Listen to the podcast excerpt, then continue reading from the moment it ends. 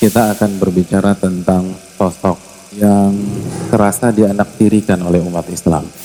Nabi Shallallahu Alaihi Wasallam yang menyatakan ini dalam hadis yang dikeluarkan Imam Tirmidzi, Imam Ahmad dan lain-lain. Yakulun nasu anhu.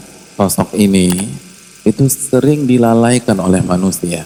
Baina Rajab wa Ramadan.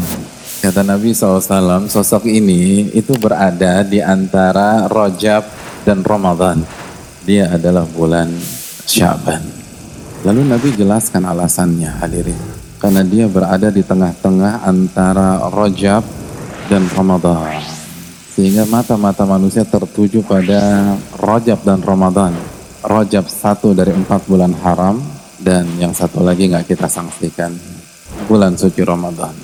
Yang habis-habisan beribadah bulan Rajab otomatis lagi kecapean butuh menghirup udara segar dulu sebelum dia berpikir akan masuk di Ramadan. Atau sebaliknya sudah langsung berbicara tentang Ramadan.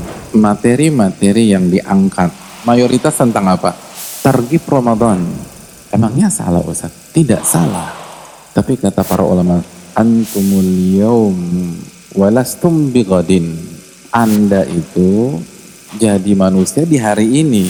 Besok belum tentu persiapan untuk hari esok betul, tapi jangan sampai melupakan amalan hari ini.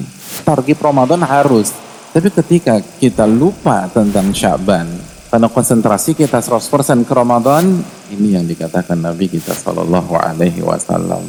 Allah berfirman dalam surat Al-A'raf ayat 205, "Wala takun minal ghafilin."